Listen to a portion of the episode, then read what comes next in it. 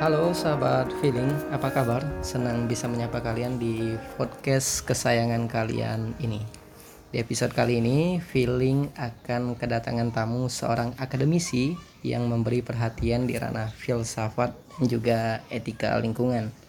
Beliau adalah seorang dosen di Universitas Sanata Dharma. Yuk daripada berlama-lama, langsung saja kita kenalan dengan tamu kita hari ini. Halo Romo, apa kabar? Baik, Mas Feeling. Mas Feeling atau Mbak Feeling? Ya, saya tahu Feeling itu Oke, apa feeling itu, eh, feeling itu adalah nama program yang dikhususkan untuk eh, perasaan tentang lingkungan. Jadi feeling. Iya. Oke. Oke, Romo bisa perkenalkan diri, nama dan juga aktivitas sehari-hari di mana? Nama saya Mulyatno Karolus Burmis Mulyatno lengkapnya. Saya mengajar di Universitas Sanata Dharma di Fakultas Teologi Program Studi Filsafat Keilahian mengajar bidang-bidang filsafat yaitu eh, logika, pengantar filsafat, filsafat manusia, filsafat lingkungan hidup, kemudian paham ketuhanan dan juga eh, filsafat yang barat lah, filsafat barat dan ini yang terakhir filsafat timur. Oke, ya berarti pengalamannya udah luar biasa dan juga Romo Mul ini adalah eh, calon profesor untuk di bidang filsafat begitu.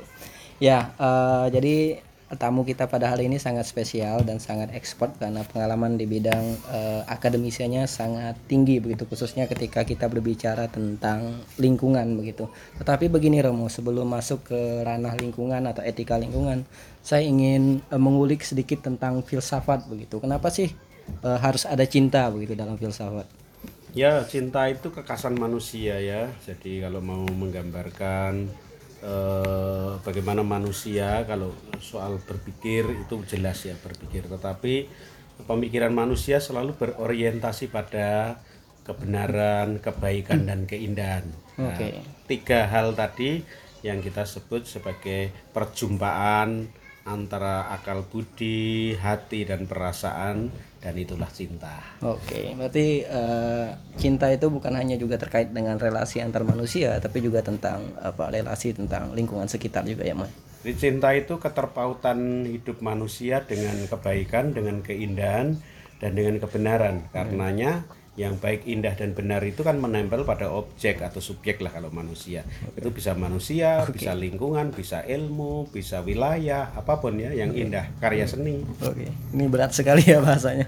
Oke, bicara tentang filsafat ya lumayan berat, tetapi saya mencoba untuk apa namanya eh, melihat bahwa cinta itu tidak ada yang salah gitu kita kita berbicara tentang cinta ketika kita melakukan cinta, karena eh, cinta itu kan dari hati ya. Mas. Ya betul, Eh, kita tidak ngomong soal salah dan benar, tetapi soal mana yang tepat, mana yang lebih layak, mana yang lebih baik bagi banyak orang. Itu soal cinta kan di situ. Jadi kalau soal benar salah kan seperti hitam dan putih ya, padahal kehidupan manusia sedemikian kayanya sehingga banyak perspektif bisa berbeda cara melihatnya. Oke, wah luar biasa kita berbicara tentang cinta pada hari ini. Oke, Romo dari Eh, kita masuk lagi nih ke ranah, ranah yang lebih dalam gitu tentang tadi udah bahas tentang cinta, sekarang cinta lingkungan gitu. Lebih spesifik lagi gitu. Cinta lingkungan, nah, apa sih orang harus cinta lingkungan? Iya, cinta lingkungan sama dengan juga cinta alam ya. Sementara hidup kita sendiri kan alam ya. Jadi dengan demikian cinta lingkungan itu cinta keterpautan hidup kita dengan sekitar kita dengan kenyataan yang sangat kompleks dan luas ini. Dengan demikian mencintai lingkungan itu mencintai hidup karena hidup semakin indah ketika lingkungannya indah, ketika segala sesuatu yang diperjuangkan itu baik dan semakin indah. Oke. Berarti kalau seandainya kita salah satu unsur lingkungan itu kan adalah hutan begitu. Artinya dalam beberapa apa namanya kesempatan dalam beberapa survei disebutkan bagaimana kemudian hutan punya peranan yang begitu signifikan dalam apa? dalam pola atau relasi manusia begitu. Tetapi pada saat ini ada banyak sekali begitu kasus-kasus yang kemudian melibatkan hutan di sana gitu sebagai apa namanya salah satu eh, penyebab bencana yang terjadi gitu banjir tanah longsor ataupun apa pun itu karena hilangnya fungsi hutan gitu. Kenapa kemudian hutan juga menjadi poin penting dalam eh, sebuah perspektif lingkungan itu Romo? Ya, kalau kita omong alam, bicara tentang alam hidup manusia sendiri alam dan kita tahu bahwa alam itu sedemikian luasnya ada dalam lingkup kecil lingkungan dalam lingkup luas ya la- alam semesta ini ya kita setiap eh, makhluk setiap ciptaan di tengah alam ini kan membawa misi membawa pesan mempunyai fungsi mempunyai tujuannya. Dengan demikian kalau ada bagian dari alam ini yang rusak yang tidak terpelihara keindahannya dan kebaikannya dampaknya ya pada hidup manusia sendiri. Secara sederhana ya ketika air terkontaminasi yang dirugikan manusia. Ketika udara eh, menjadi buruk ya kotor itu yang dirugikan juga manusia. Sebenarnya kalau kita mencintai hutan itu mencintai hidup kita sendiri mencintai hidup yang lebih sehat yang lebih segar yang lebih terhubung satu sama lain yang harmonis. Kan alam ini disebut juga kosmos kan? Ya. kosmos itu bukan merek Magic Ya. atau kosmos itu artinya harmoni. Kosmos itu alam semesta yang harmoni yang satu sama lain terjalin. Oke, oke Romo.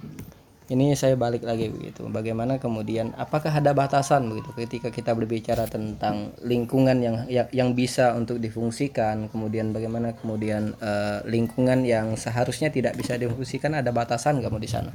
Ya, kalau kita bicara tentang lingkungan, se- semestinya kita bicara tentang lingkup yang lebih spesifik, konteks ya. Kita manusia memang memiliki eh, akal budi untuk mengelola, mengeksplorasi alam, tapi di sisi lain atau lingkungan hidup, di sisi lain jangan melupakan tanggung jawab. Kita kan bicara soal hak, Iya. hak dan tanggung jawab itu harus seimbang kalau dalam perspektif sosial politik ya.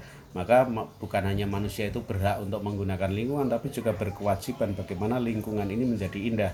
Kalau kita berpikir dari sisi manusia, manusia ini kan mempunyai masa lampau, kekini dan depan sebagai satu kesatuan. Bicara tentang lingkungan itu tidak hanya bicara tentang triumpalis semua, wah dulu lingkungannya indah, Ya. Enggak. berbicara tentang masa kini. Sekarang ini kita memiliki seperti ini, apa yang kita wariskan untuk masa depan. Kalau bisa kan mewariskan yang lebih indah.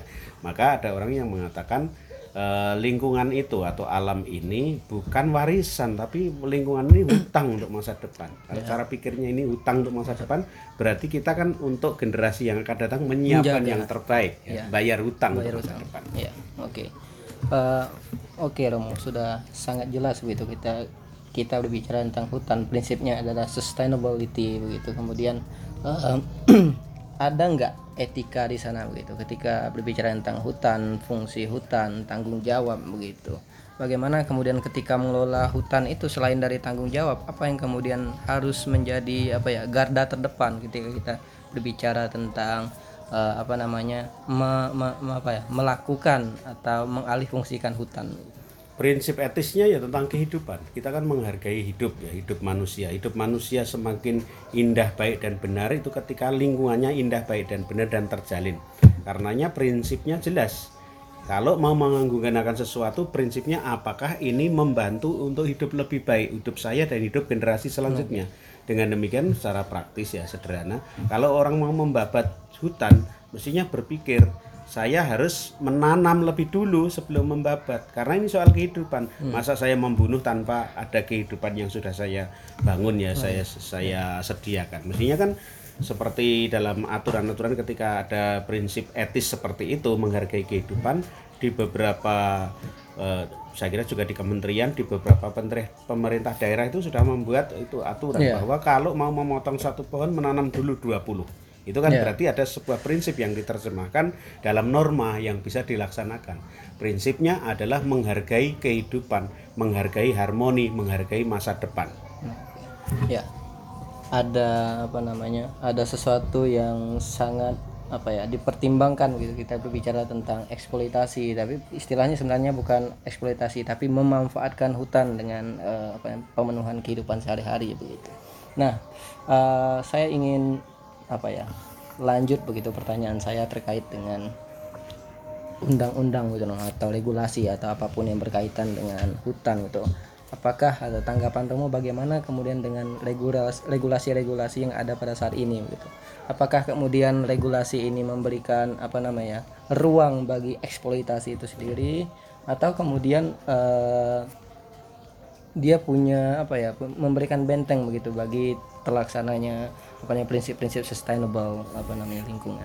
Ya, kalau dalam sekarang paradigma baru tentang bagaimana melestarikan lingkungan atau kita menjaga lingkungan, mengembangkan lingkungan itu kan ada paradigma yang disebut deep ecology. Jadi eh, apa pelestarian lingkungan dengan pertimbangan yang lebih dalam. Itu artinya apa? Bahwa ketika kita merumuskan hukum, merumuskan aturan sebagai ruang untuk bertindak, itu berarti memperhatikan ini hukum tidak hanya untuk kepentingan misalnya kesejahteraan ekonomi.